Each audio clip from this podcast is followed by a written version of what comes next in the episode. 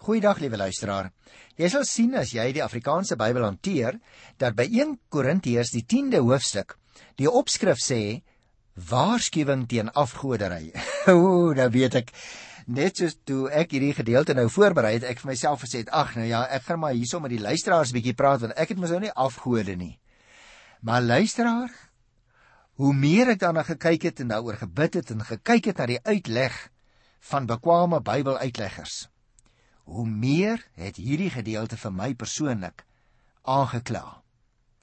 En daarom gaan ek uh, vir jou die eerste 5 versies net eers lees. Want dit gaan die opskrif oor afgoderry, maar hy begin in die eerste 5 versies met 'n stukkie agtergrond. Ek gaan dit vir jou lees en dan gaan ons daaroor gesels. Luister. Broers, neem aan dit is vir die susters ook, né? Broers, ek wil julle daaraan herinner dat ons voorvaders almal onder die beskerming van die wolk was en almal veilig deur die see gegaan het. Omdat hulle almal vir Moses gevolg het, is hulle almal in die wolk en die see gedoop. Almal het dieselfde geestelike voedsel geëet en almal het dieselfde geestelike drank gedrink. Hulle het gedrink uit 'n geestelike rots wat met hulle saamgegaan het. Die rots was Christus. Tog was God met die meeste van hulle nie tevrede nie, want hulle het in die woestyn omgekom. Nou ek het vir jou gesê daar sit 'n stukkie geskiedenis hierin waaraan ek jou graag wil herinner, naamlik dit. Israel het natuurlik almal by die uittog en die woestynreis deel gehad aan die besondere bemoeienisse van die Here in daardie tyd. Die woord almal byvoorbeeld word tot 5 maal toe herhaal volgens die 5 bemoeienisse wat hier genoem gaan word van die Here met sy volk. Die bemoeienisse was eerstens dat hulle onder die wolkkolom en tweedens deur die see getrek het. Derdens het hulle die wonders ervaar onder leiding van en saam met Moses en so deel gekry aan die roeping van Moses om na Kana toe gelei te word. Die vierde en die vyfde bemoeienisse wat hier genoem word, is dat dieselfde geestelike voedsel geëet en geestelike drank gedrink is deur hulle almal. Nou natuurlik, liewe luisteraar, die voedsel en die drank was geestelik. Dit word hier geestelik genoem ook omdat die Here dit op 'n besondere manier aan hulle gegee het en omdat dit ook die tekens was van die Here se sorg aan hulle. Van die rots word byvoorbeeld gesê dat dit saamgegaan het. Interessante woord. Nou dit moet so verstaan word dat die water uit die rots nie net op een plek nie, maar op meer plekke beskikbaar was tydens hulle tog. Dit het was ook terselfdertyd natuurlik 'n teken dat die Here saam met hulle getrek het. Met enkele woorde en opmerkings in die uiteensetting laat Paulus van die begin af die gemeente verstaan, die Christelike gemeente daar in Korinthe verstaan, dat ook hulle soortgelyke bemoeienisse van die Here ondervind. Hy noem byvoorbeeld die Israeliete van ouds selfs voorvaders in vers 1. Hulle is met ander woorde die voorvaders, die geestelike voorvaders van die gelowige Grieke daar in Korinte.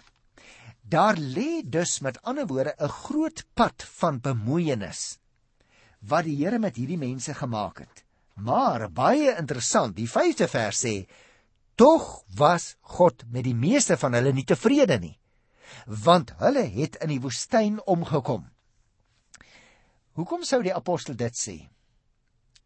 Jy sien liewe luisteraar, met die verrassende wenteling in sy denke hier in vers 5, stel die apostel die ontsettende feit. Israel het die gunsbewyse van God ontvang, maar God het in die meeste van hulle geen welgevalle gehad nie. Die geskiedenis is natuurlik bekend. Hoe die Here hulle meermale in die woestyn met sy strafgerigte besoek het. Hulle moes leer begryp dat dit nie genoeg is om die genade van God te ontvang nie. Hulle moes deur hulle persoonlike toewyding en gehoorsaamheid ook in die genade bly elke dag. En dit het hulle nie gedoen nie. Wie dus in weerwil van die Here se geestelike voorregte bly sondig het, stel hom buite die welgevalle van God. En juis hierdie waarheid het Israel so moeilik leer verstaan. En nou handel die sterkes in Korinte presies sê die apostel in die eerste vers soos ons voorvaders. Dit is dus nie voldoende dat iemand gedoop is, kennis gekry het van die geestelike spys en drank dit deelagtig geword het deur die nagmaal en dan gedink het, maar dis maar genoeg nie. Hy en sy moet ook daadwerklik deur hulle optrede in die daaglikse lewe bewys dat ons nie meer vleeslik is nie, maar dat ons geestelike mense geword het. En daarom lees ek vir jou verder hier van die 6ste vers af tot by vers 10. Hierdie dinge het gebeur as voorbeelde vir ons dat ons nie ons soos hulle deur sondige begeertes moet laat verdryf nie. Nou dis belangrik dat hier staan want jy sien wat met Israel gebeur het dien as 'n ernstige waarskuwing vir aan die kerk, die nuwe Israel. Dit is vir ons voorbeelde van hoe dat die Here met die ontroues handel en daarom moet ons hieruit leer hoe ons ons eie lewens in behoort te rig elke dag sodat die toorn van God nie oor ons kom nie. Dit gee dit vir ons te kenne dat daar 'n wesenlike verband is, 'n diepe ooreenkoms bestaan tussen voorbeeld en die beeld wat hy gebruik, soos tussen gietvorm en sy gietbeeld. Kom ek sê dit op 'n ander manier, liewe luisteraar. Die Christelike gemeente kan homself soos 'n spieël sien in die geskiedenis van Israel. En jy en ek kan onsself soos in 'n spieël sien in die eerste gemeente. Hulle het die evangelie as dit ware klink vars en neut vars ontvang van die apostels. En tog was hulle ontrou aan die evangelie. Kom ek lees vir jou nog 'n voorbeeld wat hy hier sê oor oud Israel van vers 7 af. Julle moet nie afgodsdienaars word nie. So sommige van hulle destyds in Israel oor wie daar geskrywe staan die volk het gaan sit om te eet en te drink en het opgestaan en hulle aan uitspattighede oorgegee. Jy onthou die goue kalf net daar in die woestyn en net so warm as wat die woestyn was, net so warm het hulle seksueel begin ontbrand teenoor mekaar en net so woes het dit vrolik aangegaan in die gemeente van Korinte. En jy en ek Jy sien wat die apostel dus doen, liewe luisteraar, hy gebruik die gruwel voorbeelde uit die geskiedenis van Israel. Hy trek dit deur na die situasie in Korinte en dit is ook op jou en op my van toepassing. Daarom sê hy in die 8ste vers: Laat ons ook nie onsedelikheid pleeg nie. So sommige van hulle onsedelikheid gepleeg het. En op een dag het daar 23000 omgekom. Laat ons Christus nie uittart nie. So sommige van hulle hom uitgetart het en hulle het deur slange omgekom. En moenie teen God te verset kom nie. So sommige van hulle in verset gekom het en hulle het deur die engel van die dood omgekom. Nou hoekom sou Paulus hierdie dinge vir hulle sê, liewe luisteraar? Want verwant aan daardie vorige gebeurtenisse, soos ek nou net vir jou probeer uitwys het, is die murmurering teen God, soos dit byvoorbeeld voorgekom het na die terugkeer van die spioene daar in Numeri 14. Dis 'n goeie voorbeeld. En jy onthou by daardie geleentheid het die verderwer, die ou duiwel, die volk intussen besoek. Daarom verwys jy en ek ook liewer na die opstand van Korag en Datan en Abiram in Numeri 16. Hulle verset hulle teen die bepalinge van God en hulle verhef hulle teen die gesag van Moses. Numeri 16 daar by die 3de vers. En daarop het God ingegryp en die aarde laat skeur om hulle te verdelg. Nou, dis maklik vir jou en vir my en vir Paulus om mekaar te herinner aan die sonde van oud Israel in die Ou Testament. Maar nou sê hy vir die Korintiërs: Wat julle betref in Korinte, beteken dit dat diegene wat met my wat Paulus is ontevrede is, wat byvoorbeeld my apostoliese gesag in twyfel trek, dat julle julle op 'n weg bevind waar God julle met dieselfde soort van verderf sal kan begin ontmoet. Jy sien is, liewe luisteraar, jy en ek is nie beter as die mense in die Ou Testament nie. Jy en ek is nie beter as die gemeente daar in Korinte nie, want ons is dikwels aandadig aan dieselfde soort goed, net op 'n baie meer geraffineerde manier. Kom ek lees nou verder by die 11de vers. Hierdie dinge het oor hulle gekom as 'n voorbeeld vir ons en is opgeskryf as 'n waarskuwing vir ons wat die einde van die tye sal belewe. Baie duidelik wat ek nou vir jou gesê het tot sover. Hy haal aan uit die Ou Testament, hy gebruik voorbeelde. Hy pas dit toe op die gemeente in Korinte en hy sê vir ons, vir homself en ook vir jou vir my.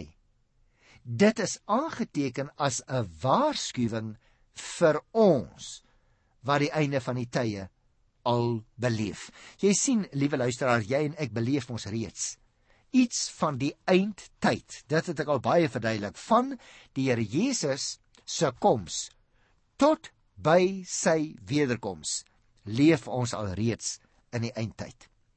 Nou sê hy vers 12: Daarom wie meen dat hy staan, moet oppas dat hy nie val nie. Dit beteken nie liewe luisteraar dat 'n Christen kan uitval uit die genade van God nie.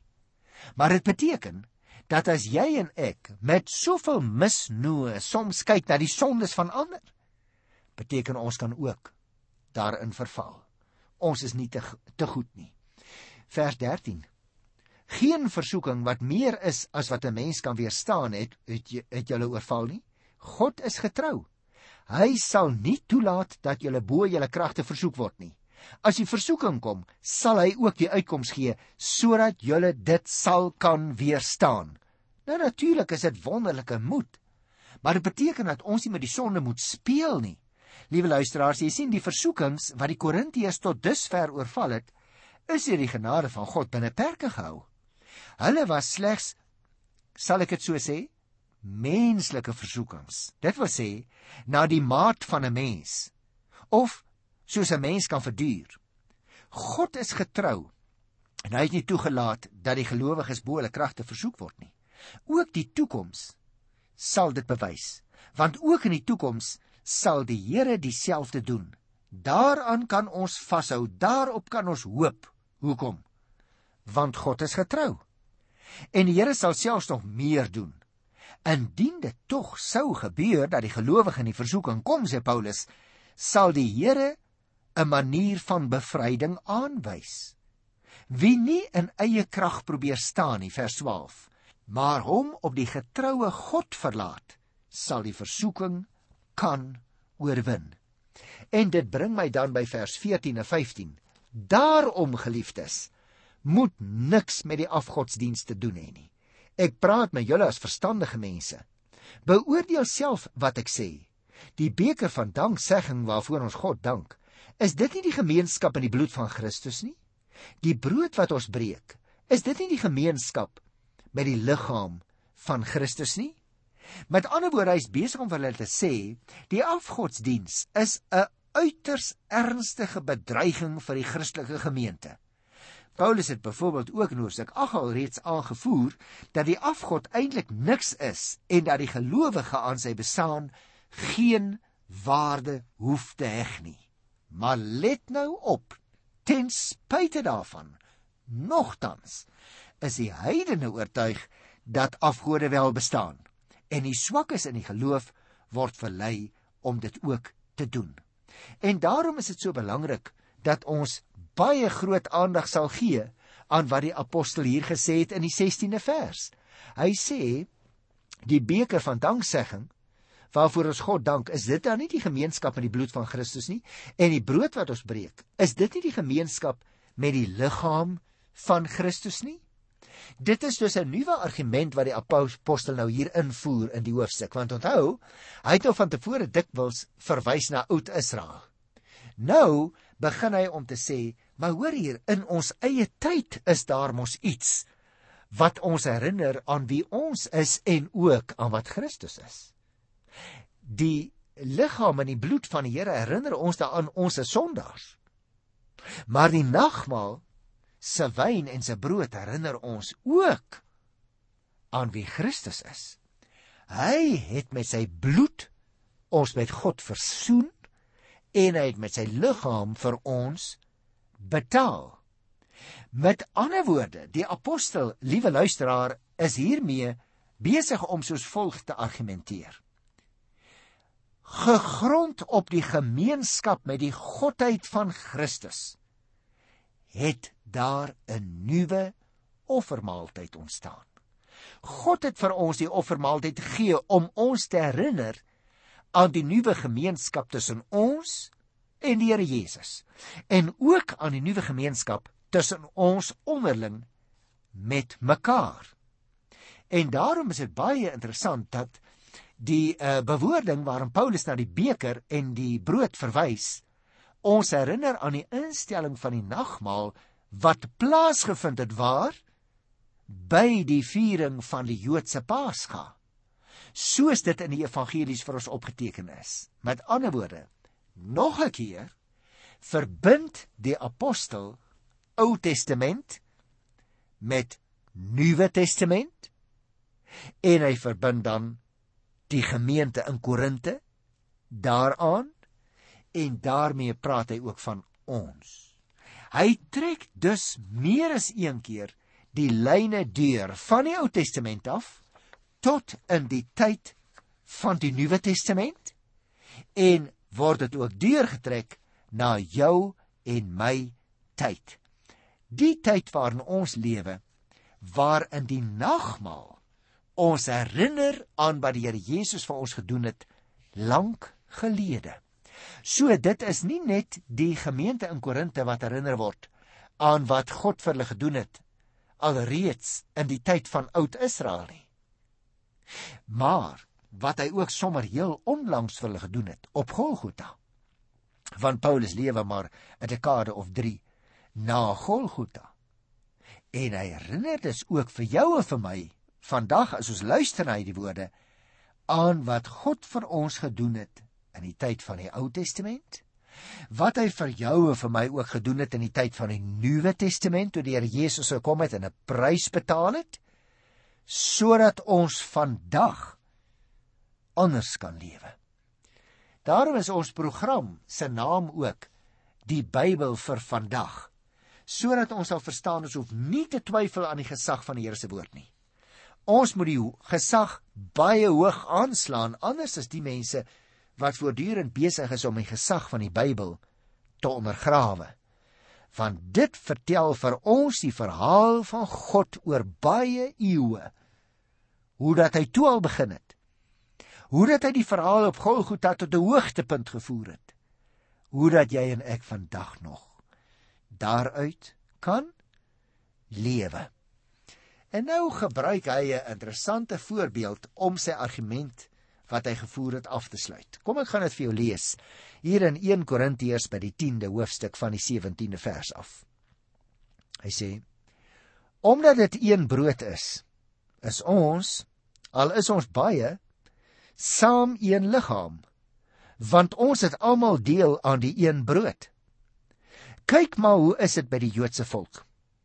Kom daar dan nie gemeenskap tot stand tussen die offeraltaar en die wat die offers geëet het nie?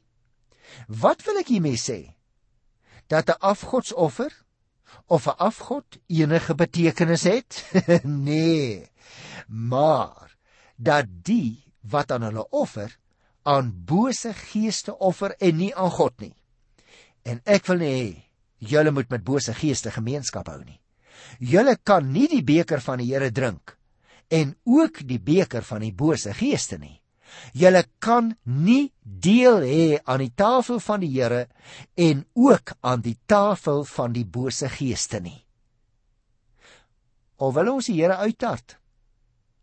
Is ons miskien sterker as hy? Nou kom ons gesels 'n bietjie hieroor, liewe luisteraar, want dit is uiters belangrik wat hier geskrywe staan. Jy sien, die gedagte dat 'n mens met God verenig word wanneer jy 'n offer eet, was 'n belangrike gedagte natuurlik nie net in die Christendom nie, maar ook in die Joodse geloof en selfs in die afgodsdienste van destyds. In die Ou Testamentiese tyd het die Jode 'n deel van die offervleis geëet om daardeur te simboliseer dat hulle met God herenig was nadat hulle teen hom gesondig het. Gaan kyk maar weer in Deuteronomium wat ons behandel destyds soos ek 12 daarvan vers 17 af. Net so voer die apostel nou die argument. Net so het die Christen ook deel aan Christus se eenmalige offer wanneer hy of sy van die brood eet en van die wyn drink. Dit is immers simbole van Christus se liggaam en bloed. Om die tekens van die nagmaal te gebruik, sê die apostel, beteken om simbolies een met Christus te wees en met hom gemeenskap te beoefen. Net so sê hy, was die offerhandeling volgens die Ou Testament gemeenskap met God. Die Here Jesus Christus se volgelinge, dis nou jy en ek, liewe luisteraar. Ons moet ook eksklusief aan die Here lojaal bly. Om aan die een kant gemeenskap met die dood van die Here Jesus te hê en aan die ander kant met Satan. Dit is net nie moontlik nie. So 'n wydsbeen Christendom. Die een been by God en die ander been by die bose is onmoontlik en maak van God se goedheid 'n bespotting.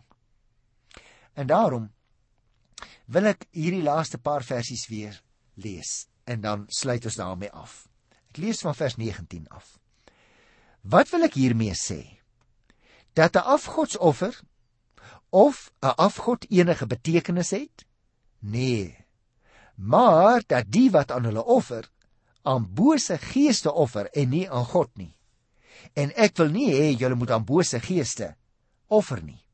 Julle kan nie die beker van die Here drink en ook die beker van die bose geeste nie. Julle kan nie deel hê aan die tafel van die Here en ook aan die tafel van bose geeste nie. Of, luister nou mooi. Wil ons die Here uittart?